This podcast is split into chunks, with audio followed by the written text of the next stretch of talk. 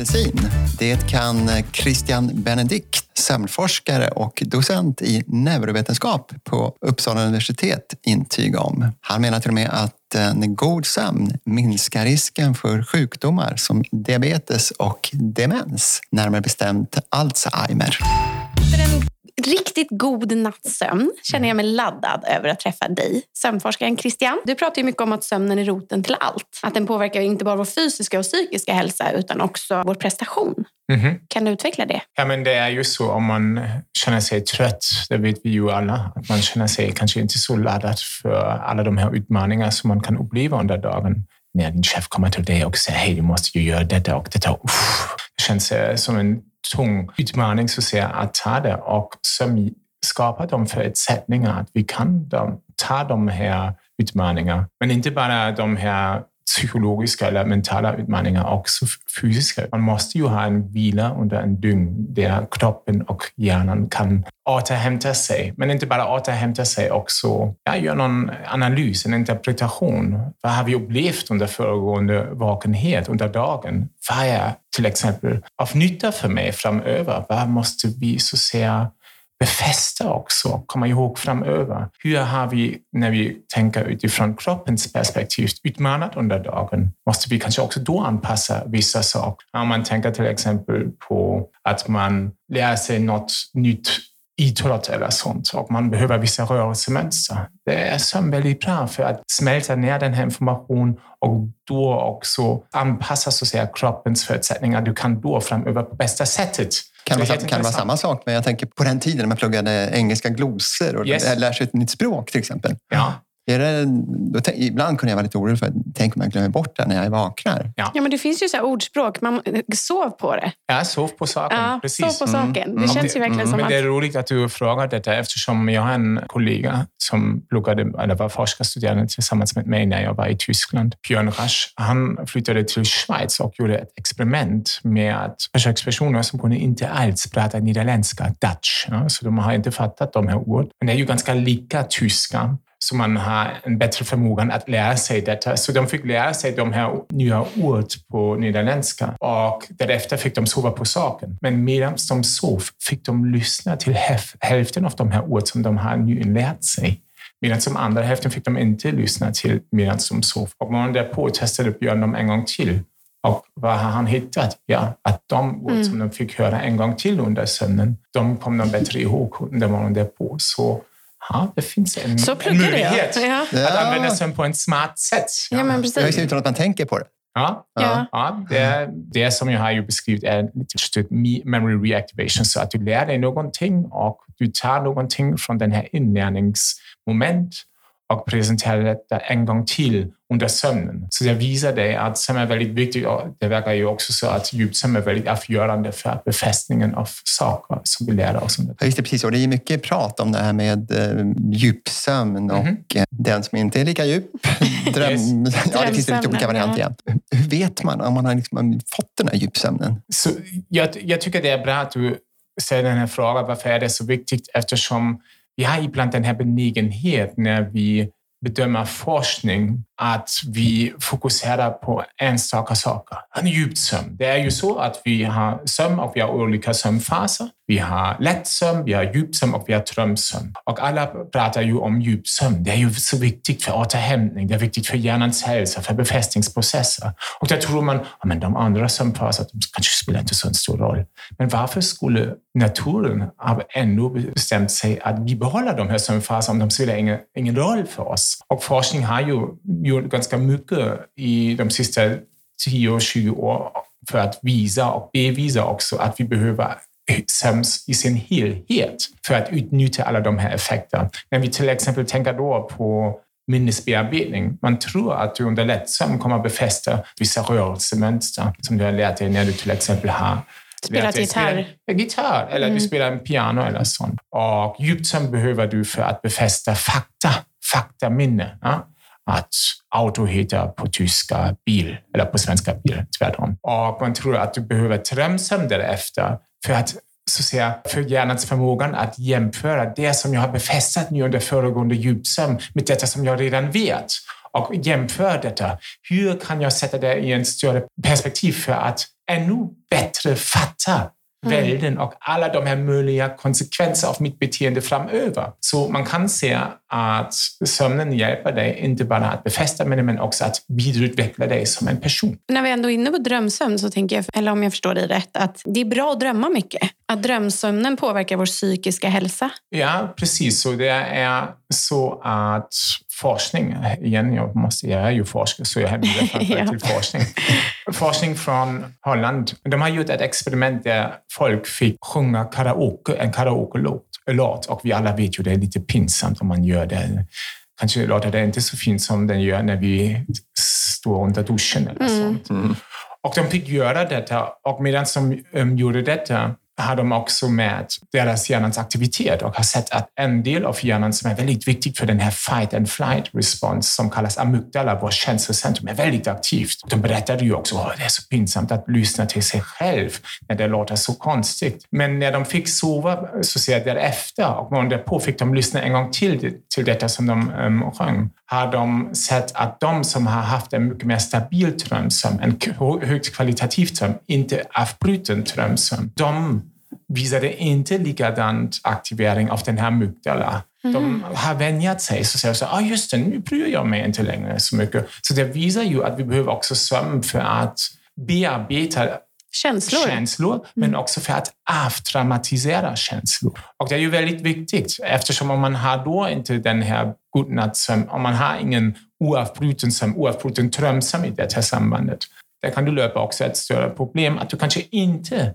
får den här konsultation med din terapeut som kallas drömsömn, som hjälper dig att så att säga gå igenom dagens upplevelse och tra- hjälpa dig att avdramatisera detta. Så du blir mer eh, känslig. Eller liksom så, om du inte kommer in i din drömsömn. Yes, och det är ju inte bara så att säga, den här känslobearbetningen, det är ju också samtidigt så, det vet vi alla, um, vi har ju vår pannlob som spelar en väldigt viktig roll också för vår förnuftsberoende beteende. Ja, vi vet ja när vi kollar på barnen, de har ju inte en fullmognat så att säga, främre hjärnbarken eller pannlob och de har lite svårt att motverka sina im, in, Impulser. impulsiv- impulser. Ja? Så de ser godis och säger jag måste äta det, men du får inte det. Jo, jag måste göra detta. Och det är så när vi blir då äldre och blir då vuxen att vi har då en bättre förmåga att så att säga, motverka de här impulserna och säga nej. Ja? Men när vi lider sömnbrist, det har vi svårt att så att säga upprätthålla så att säga, den här motpol mot alla de här känslor och den här äldre delen av hjärnan är väldigt aktivt. Och även om du då upplever rädsla eller ångest har den här pannloben större problem när du är inte utsövd att motverka detta. Och det kan också vara en förklaring varför till exempel en dålig sömn bidrar då till sådana problem som ångest eller panikångest. Det betyder inte att det är bara den vägen. Det kan ju också vara så tvärtom. Om du upplever mycket stress, om du är väldigt mottaglig för stress, stress påverkar dig och också ångest under dagen mycket, då kommer du också sova sämre. Så du kommer in i en liten ond. Ja, ja, så det kan vara Man måste då försöka att komma ur den här bryta, bryta den här cirkeln. Ja. Ah, Precis, och man måste ju bara erkänna detta. Ja, jag som, som forskare ju kan säga att det är lätt, du måste bara försöka inte dricka så mycket kaffe eller sånt. Det är inte lätt. Sömnproblem är väldigt komplex. Det finns så många olika anledningar. Och det kan vara en primär sömnproblem eller sömnsjukdom, men det kan också vara en, en följd, en symptom av någonting annat bakomliggande. Och det kräver en väldigt noggrann um, Utredning. utredning, så är det. Så man kan säga så här då, att eh, man, klarar, man skulle klara den här marshmallows-testet skulle man klara sämre med Ja, det- natts dålig sömn. Ja, det är ju faktiskt så att vi har gjort också forskning här vid Uppsala universitet där vi exponerade försökspersoner till sömnbrist eller de fick sova en hel natt. Och sen mätte vi deras hjärnans aktivitet medan de kollade på bilder av livsmedel, godis och saker som vi gillar alla. Och vi såg att de hade en högre aktivitet i en del av hjärnan som kopplas också till att du har en förväntning att du får snart en belöning. Och det finns också andra, det var en pytteliten studie, men vi har visat det för första gången, men det fanns också andra forskargrupper som har så säga bekräftat de här resultaten. Ja, vår belöningssystem är on fire när vi inte sover tillräckligt.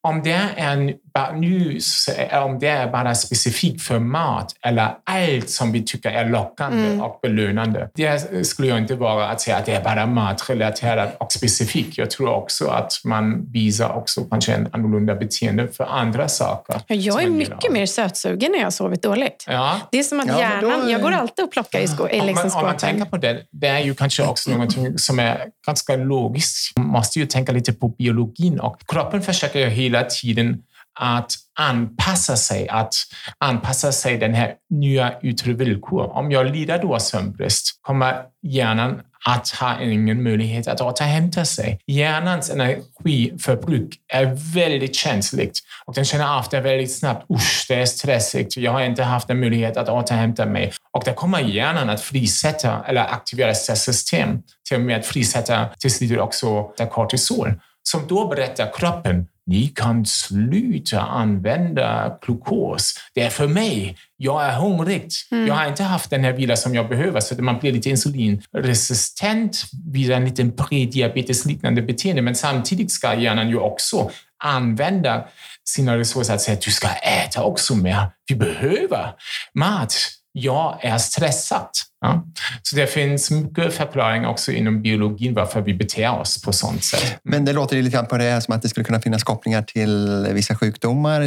Diabetes? Ja, diabetes. Med tanke på att den påverkar insulinet? Precis, så det är ju så att när kroppen är så pass stressad, och vad, vad innebär detta? Det innebär ju att hjärnan ser då till till exempel muskelvävnaden som är en ganska stor organ i kroppen som tävlar med hjärnan om glukos. Du ska sluta använda detta, det är för mig. Inte totalt, den får fortfarande lite, pyttelite använda detta, men till en större förhållning är den nu för mig. Och man ser faktiskt det bland friska försökspersoner som är ah, inte alls någon diabetes eller sånt tillstånd. De är friska, ung, 20 år. Att de visar efter några nätter redan en försämrad eh, förmåga att hantera en glukosbelastning eftersom deras muskelvävnad är inte längre så att säga on fire för att ta, ta bort glukos mm. från blodet och svara på insulin. Den säger nej, nej, nej, jag får inte. Hjärnan har bestämt sig annorlunda. Men också fetma till exempel. Ja, det är en ganska det. stor risk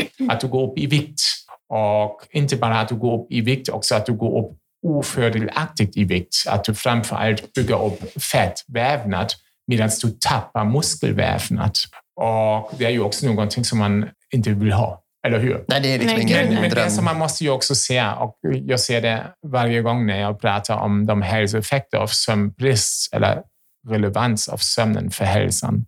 Hälsoekvationen innehåller många variabler och sömn, det har forskning visat, är ganska oftast en viktig variabel av den här hälsoekvationen, men det är definitivt inte den enda variabel. Så det finns ju mycket som har en påverkan när man till exempel pratar om hjärnans hälsa. Man vet att sömn är så viktigt. Det är faktiskt djupt sömn för att rensa bort skräpämnen från hjärnan som ackumuleras under dagen.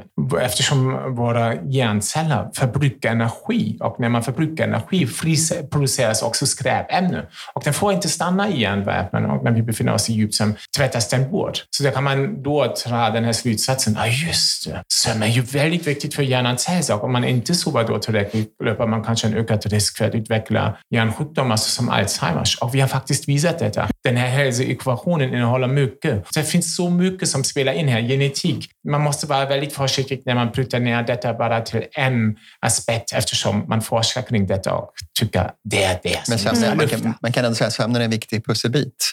Ja, ja, absolut. Och sen så är det så att man, och klarar man sömnen så är det lättare att fixa de andra delarna. Alltså Absolut. fysisk aktiviteten till Absolut. exempel. Ja, jag men jag tänker så här, när vi ändå pratar, för ja, men jag förstår det bygger upp immunförsvaret och mm. du ser kopplingen till Alzheimers och allt sånt. Men det beror på olika ja, parametrar där med. Men jag menar, det finns ju de som är så här, långsovare och kortsovare. Vissa yes. är så här, jag behöver bara fyra timmars sömn. Medan mm. jag måste ha typ mellan åtta till tio timmar yes. per natt. Annars blir jag, alltså det är inget kul att vara med mig. Alltså jag blir för taskig.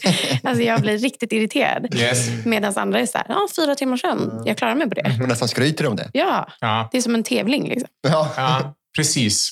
Om man först tänker då på sömnlängden. Hur mycket behöver jag faktiskt?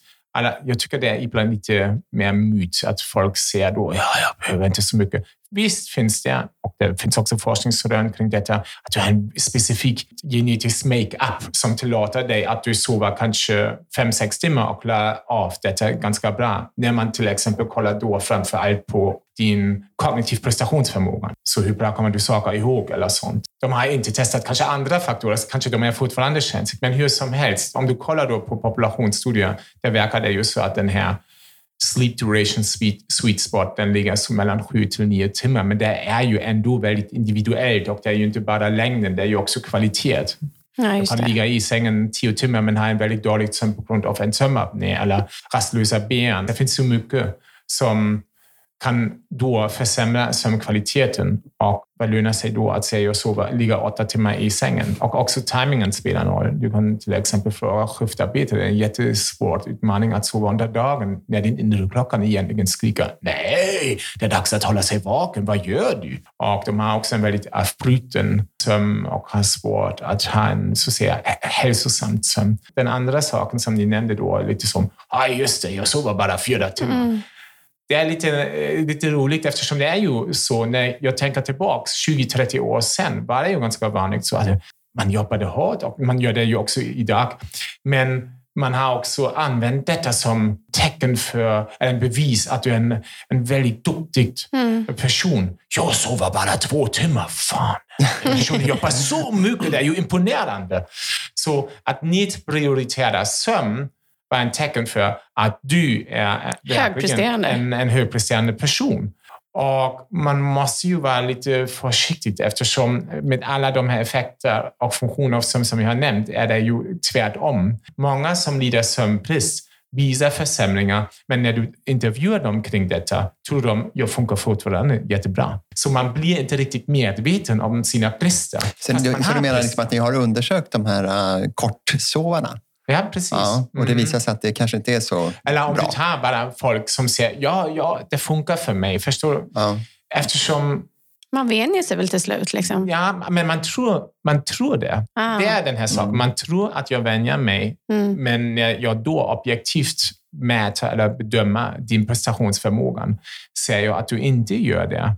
Igen, det kan ju finnas undantag, men om vi pratar om den gemene man Mm. tror jag att man lurar sig ganska snabbt att man tror ah, ja, det funkar ändå. Ja, det kanske funkar för mig om jag har mina rutiner. Men vad händer då om jag måste, precis, om jag måste lämna boxen? Om jag då till exempel använder bilkörning. Ja, jag kör min bil och alla säger ja, du ser hela tiden, jag är inte så fokuserad, koncentrerad. Jag har aldrig haft någon trafikolycka. Men vad händer då om du plötsligt måste lämna din box eftersom plötsligt händer någonting som då kräver första gången från dig att du måste snabbt reagera. Det visar forskningen ju ganska tydligt. Det har du inte de bästa förutsättningarna om du, om du inte har haft en god natts sömn. Men jag tänker så här, alla mammor då? Alltså alla Mm. nyblivna mammor, de sover ju typ så här, två timmar, sen blir de Mm, ja, väckta det. och sen fyra timmar och sen blir de väckta. Ja. Är det någon hormon som går igång så att vi inte blir psycho? Liksom? Men psycho vi ska komma ihåg det att papporna går inte fria. Precis. Men menar du Okej. när, när, barnen, när barnen har fötts eller menar du under graviditeten? Bo- äh, nej, jag menar nog när barnen har fötts. Första Ja, månaderna menar- där, det är ju en ganska tuff period. Ja, ja det, är inte, det finns också forskning som har visat det, att det är ju en otrolig minskning av sömn som du har och det är ju Mm. också otroligt rubbat din sömn. Jag vill inte använda forskning här framförallt. Jag vill använda min personliga historia. Jag har fyra barn som är 16, 15, 14 och 12 år Oj. gamla. Och jag och vi gick genom otroligt mycket sömnbrist och det som jag rekommenderar alla är from the scratch etablera sovrutiner också med ditt barn. Även om de inte har en sammanhängande sömn av 8-9 timmar över natten så ser jag, som är ju inte så överraskande att barn växer otroligt mycket under första året och de har ju en otroligt stor energibehov och måste då vakna mycket för att då få också mat. Så försöka from the scratch att etablera sovrutiner. Du kommer att ha nytta av detta framöver. Men annars säger jag, sov när barnen tillåter dig. Och det spelar ingen roll om det är en längre tupplur, om det är under dagen, under natten. Gör det när barnen tillåter detta. Då är det dags för tre snabba. Kaffe, Underbart, men jag dricker ingen. lunchpromenad, Ja, jag tycker det är fantastiskt att göra en lunchpromenad. Och jag tycker det är fantastiskt att vistas ute. Studenter. Otroligt inspirerande. Snyggt! Ja. Nattuggla eller morgonpigg? Varken eller. Varken eller. Okej. Vår i Tyskland eller vår i Sverige? Beror på månad. Fika med Nobelpristagaren i medicin eller statsministern? Nobelpristagare. Det är många som har svårt att sova. Det är liksom lätt att prata om att man ska sova mycket. Men sen så kanske det inte är lika lätt när det kommer till kritan. Eller att man kanske vaknar på natten och har svårt att somna om. Vad säger du till dem?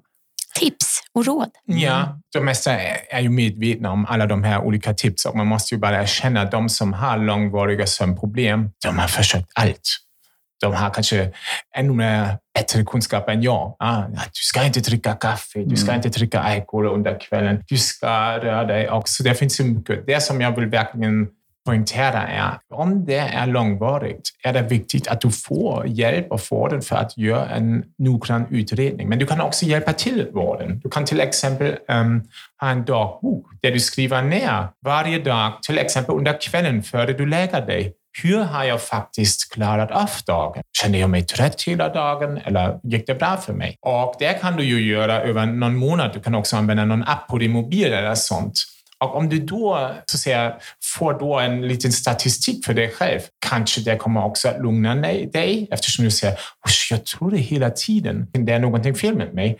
Men när jag ser min statistik, det ser ju ganska bra ut. Och jag ser att det är ju bara torsdagar. Men vad gör jag på torsdag? Ah, just det! Där jag, träffar jag mina vänner och dricker mycket vin på kvällen. Eller, Så vin är inget bra för att sova? Ja, det är inte bra för så. Men förstå vad jag menar. Sånt kan ju hjälpa också vården för att förstå hur pass problematiskt är det.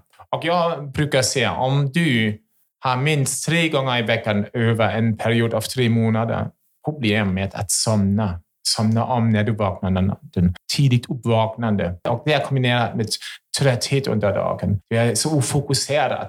Det tror jag är det dags att göra en utredning. Och även där finns inte den här one size fits all solution eftersom det kan ju vara så mycket. Du kan ha till exempel en sömnapné, den här andningsuppehåll under sömnen och när den är obehandlad är det jätteproblematiskt eftersom det inte bara är stressande för hjärt-kärlsystemet. Det också leder till en väldigt lätt sömn. Du får inte så mycket djupsömn. Du känner dig inte återhämtad under morgonen. Därför behöver du mycket kaffe under dagen för att hålla dig vaken på något sätt. Eller du kan också tro att din sömn är dålig fast den är inte dålig. Du har bara en nedsatt sköldkörtelfunktion. Så det finns så otroligt mycket smärta. Och jag tror, eftersom när, man, när jag brukar säga att du ska göra det och du ska göra detta, då får jag ganska oftast också svar från lyssnare eller läsare också.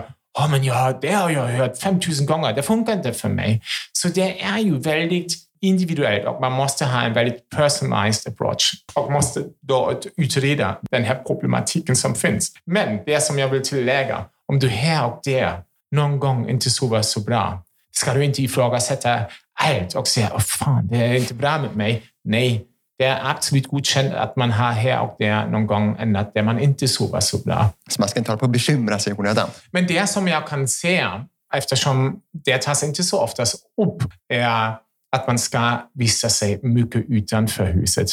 Vi har en inre klocka som styr så ser varje dygn när det är dags att sätta igång vissa processer. Och den här inre klockan och våra klocksystem, de säkerställer ju också när det är dags att sova, när är det dags att hålla sig vaken. Och vi kan hjälpa dem att förstå var befinner vi oss i yttre tid med att vistas utanför. Om jag får särskilt under morgontimmarna när jag har vaknat, mycket solljus eller dagljus, även om det är molnigt, är det en jättebra, tydlig tröst till min inre klocka. Det är dags att hålla sig vaken, att sätta igång stresssystemet, öka kroppstemperatur. Nu måste vi um, ha äventyr.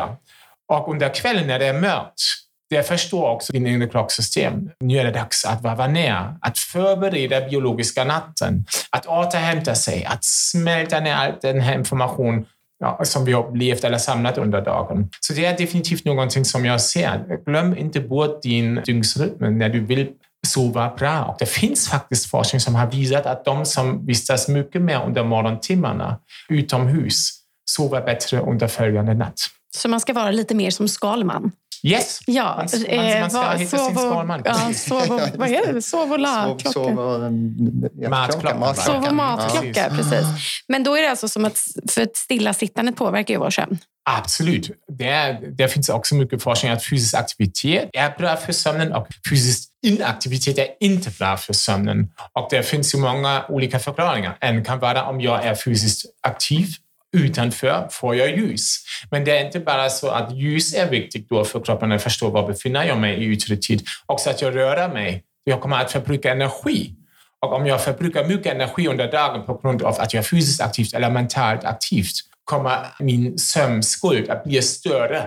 Och jag behöver sömnskuld eller sömntryck för att få den här förmågan att somna då under följande kvällen. Och fysisk aktivitet frisätter också en ämne som meddelar hjärnan, hej, vi har varit aktiva här nere i källaren, vi har jobbat stenhårt. Så säkerställa att vi får en väldigt djup och återhämtande sömn för att vi kan också regenerera, regenerera oss. Så vi kanske får, bättre, man får kanske bättre kvalitet i sömnen? Ja, absolut. Men det är ju också här igen en fråga av när du gör det. Timingen spelar en väldigt viktig roll. Man har till exempel visat att folk som har en svettig löprunda för en timme under morgonen eller tidigt eftermiddagen, de kommer att tidigare sätta frisättningen av melatonin, melatonin det här mörka hormon som meddelar eller signaliserar till kroppen och hjärnan snart börjar biologiska natten, snart ska vi återhämta oss. När man eh, däremot um, tränar under kvällen kommer man att senare lägga så säga, frisättningen av melatonin.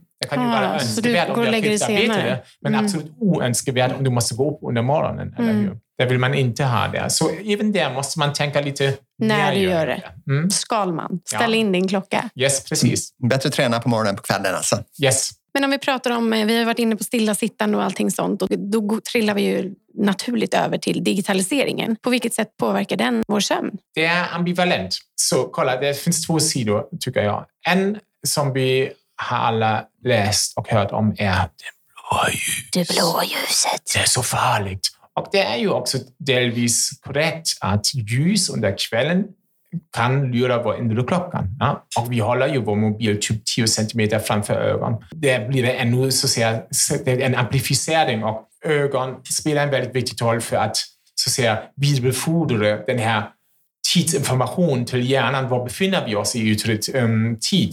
beroende på ljusinformation. Och man har sett att det kan då leda till att du kommer senare lägga frisättningen av melatonin och därmed somna senare. Men man måste också vara försiktig eftersom om du vistas till exempel utomhus hela dagen spelar inte så stor roll om du får byta lite ljus under kvällen. Så det är alltid Aha. en fråga av det är, ganska, det är ganska marginellt. Det är det marginellt, absolut. Men även här måste jag tillägga det finns stora skillnader från person till person. Det finns även forskning kring detta som har visat om du även använder pyttelite ljus under kvällen. Vissa svarar väldigt starkt på den medan andra svarar inte alls på den med tanke på hur förändras det mm. ljus min melatoninfrisättning eller timingen av melatoninfrisättningen. Så det finns mycket som spelar en roll. Men om vi lämnar så att säga den här ljusaspekten av digitalisering är det ju också så. Det finns så mycket som jag kan uppleva som håller mig vaken, aktiverad och därmed så att säga motverkar den här avslappningen som krävs för att skapa de förutsättningar att jag somnar och kan sova. Och ett annat problem är också den distraktion som du kan uppleva. En mobil har ju blivit som en typ del av kroppen, eller hur? Hela tiden kollar vi på den. Ah, är det någonting nytt? Även om det finns ingenting kollar vi ändå på den. Och man kan ju tänka sig att när man har den på nattbordet och sover under natten, att hjärnan då också börjar tänka lite grann, ska vi inte ha en snabb koll om det finns någonting som är ganska intressant? Det är ju en mm. ganska belönande aktivitet att göra detta. Vi får ju små, pytteliten dopaminkicks av detta. Och det kan då leda till en så stor aktivering när du kollar under natten att du har svårt att somna om. Så hjärnan saknar lite mobilen? Den känner av precis, att den är där? Precis, typ. men frågan är till vilken utsträckning. Och jag tror det är begränsat. Om du till exempel tar din mobil och lämnar den i köket eller i, i tvättstugan och du stänger av din mobil. Du laddar din mobil under natten, men du stänger av den. Tror du, så sömnig som du är under natten när du vaknar, att du går upp, du går till köket eller tvättstugan, sätter på mobilen, väntar att den har startat, väntar att den har fått en nätverk och då kolla om du har fått något meddelande. Det gör inte någon person. Nej. Men om den ligger bredvid dig på nattbordet och du har den bara på flygplansläget, det är ju väldigt snabbt att så att säga, få lite en, en koll om man har fått någonting. Så jag verkligen rekommenderar Band the Mobile ja, från sovrummet. Det är väldigt viktigt. Ja, men det tror jag är en viktig regel. Vi brukar fightas om det där hemma, nämligen i sovrummet. Men jag vill inte, jag, jag gillar inte det om man börjar demonisera så att säga, de här digitala verktyg eller sånt. Det är ju jättekul. Kolla, jag har familj i Tyskland. Jag är ju en tysk, fast man kan inte tro det på grund av min brytning. Men ändå, jag måste erkänna det. Och jag har ju familj i Tyskland och under coronatiden nu, jag kan hålla kontakt med dem. Och det kan jag nu med hjälp av alla de här olika chattappar eller videoappar. Men det är i alla fall, det är i alla fall samma tidszon. Precis, det är ju jättekul. Och, eller om du tänker på undervisning. Jag är vid universitet. Jag har undervisning helt um, online, som du har sagt, via Zoom. Men vi kan fortsätta med undervisning, så det måste inte stoppa nu. Tänk dig att vi skulle ha haft den här pandemin 30 år sedan. Det skulle ha varit skulle en jättestor mm. um, utmaning för samhället att fortsätta ändå. Mm. Oh, verkligen. Så det är också en förmåga till exempel just nu att vi kan gå genom den här coronapandemin fast vi kan inte vara fysiskt närvara. Mm. Jag tycker det är fantastiskt. Så eh, man får inte demonisera det Nej, men timingen spelar en väldigt viktig mm. roll. Nu växlar vi lite spår här. Jag tänker på tupplurar mitt på mm. dagen. Mm, gubblur. Värdet av dem och ska man göra det överhuvudtaget? Ja, som sagt, om du har småbarn skulle jag säga ja. dem och också så långt som det går. Men normalt är det ju så, det är lite beroende på personen. Om du har svårt att somna under natten, så att ha en ganska lätt sömn tycker jag är inte så smart att sova då under dagen. Visst, du kanske försöker detta för att kompensera för din dåliga nattsömn, men då kommer du också in i en typ ond cykel eftersom du sover så att säga i förväg och har då svårare under följande kvällen att somna och också ha en oavbruten eller en stabil sömn så att säga. Så det låter ju som att man ska undvika de här tupplurarna ja, mitt på men det finns, Jag tycker ändå, särskilt till exempel i Japan, i asiatiska länder, finns ju mycket så att säga, tradition kring detta. Att man ska ha en Siesta. downtime, en downtime, att man kopplar av, att man är bara för sig. Och jag tycker en tupplur kan hjälpa som en powernap, ja? att man sover typ 10-15 minuter eftersom då kommer du inte så mycket ner i djupsömn så att du har svårare kvällen därefter eller följande kvällen så säga, att somna. Men man ska inte se det, anse det som en prestation. Även om du bara kopplar av för 15 minuter och inte lyckas att somna. Men du har ju tagit hand om dig och har tillåtit dig att minska den här yttre intryck och det kan ge också hjärnan redan den här återhämtning som du kanske är tror att även, Tror att även fysisk aktivitet kan ha samma effekt? Ja, till en viss utsträckning, yes. Jag kommer ihåg att det fanns någon musexperiment, jag tror i Nature Communications, där de fick springa i den här wheel, jag vet inte hur man säger det på svenska. Hamsterhjul. Precis en typ hamsterhjul.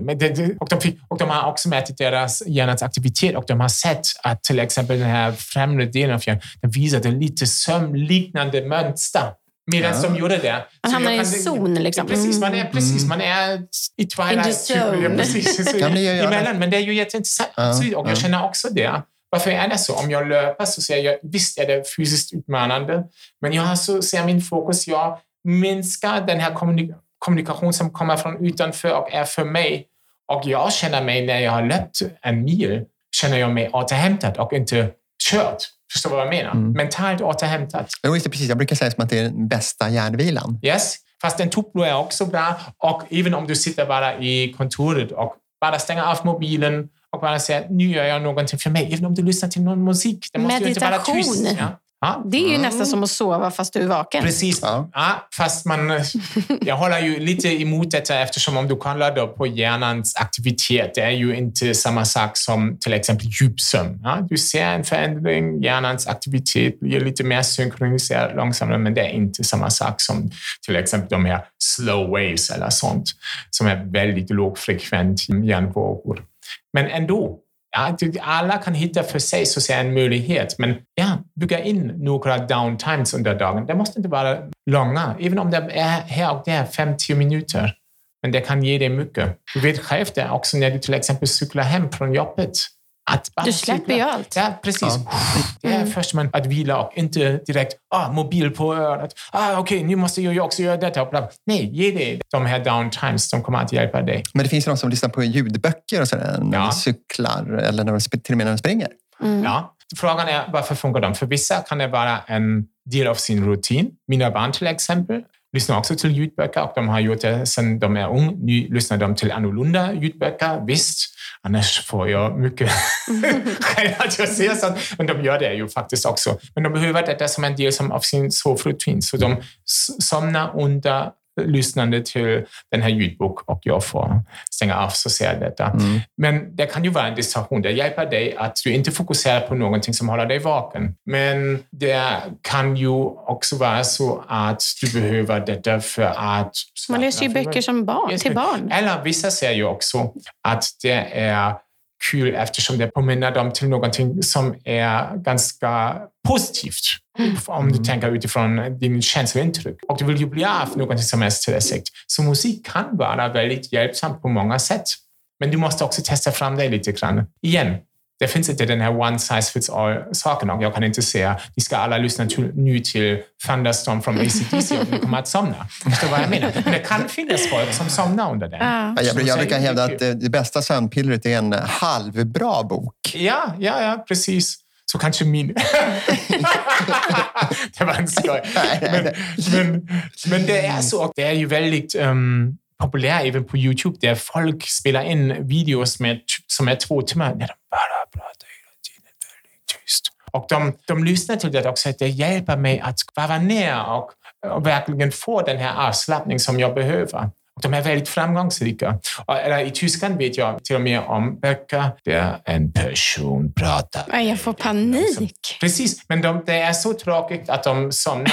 Jag håller med dig. Jag skulle inte heller så. Jag skulle men bli jätteaggressivt om jag skulle lyssna ja. till någon som ja. Men det var tanken att det skulle vara lite tråkigt då, att man skulle lugna ner sig. Ja, men som, som jag sagt, och du håller ju med, det är, man måste verkligen anpassa detta till sina behov. Ja, men och det är ganska annorlunda. Ja, och jag stänger ju av ljudböcker om det är någon med en dålig röst. Precis. Eller jag är musikalisk, så att jag typ, om jag hör en röst som jag inte tycker om, då kan jag egentligen älska boken, men kan inte lyssna till det. Mm. Så jag skulle aldrig klara av någon som pratar så här. Dels också bara så här, vem är du? Ditt creep?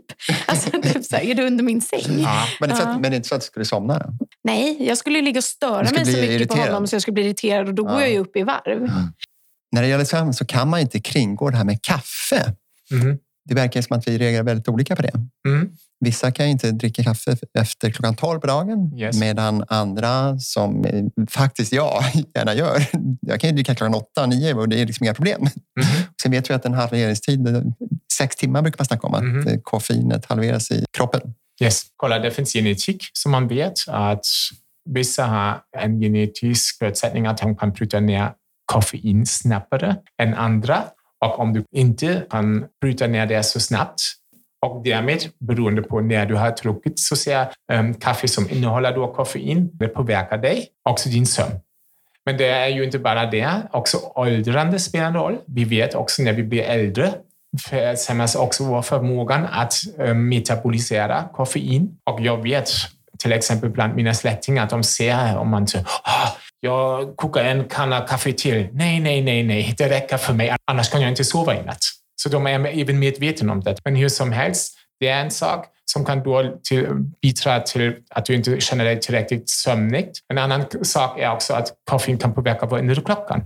De har gjort ett experiment som publicerades i Science Translation Medicine med människor där de har visat att de som dricker en dubbel espresso under kvällen har en försenad melatoninfrisättning med 40 minuter. Så, och sen till slut finns det också ett experiment som har visat att de som dricker kaffe under kvällen som du har en mindre djup, djupsömn. Men jag måste ju också erkänna, och vi vill ju den, ha den här holistiska bedömningen, att det finns också studier som har inte visat den här effekten. Så de är inte ens än med tanke på hur koffein påverkar nu de här olika aspekterna av sömnen. Men det med melatonin, det är, verkar så att det är en ganska etablerad effekt, att du kommer att senare frisätta melatonin beroende på när du visst dricker också um, koffein. Så om du gör det under kvällen kan det vara problematiskt.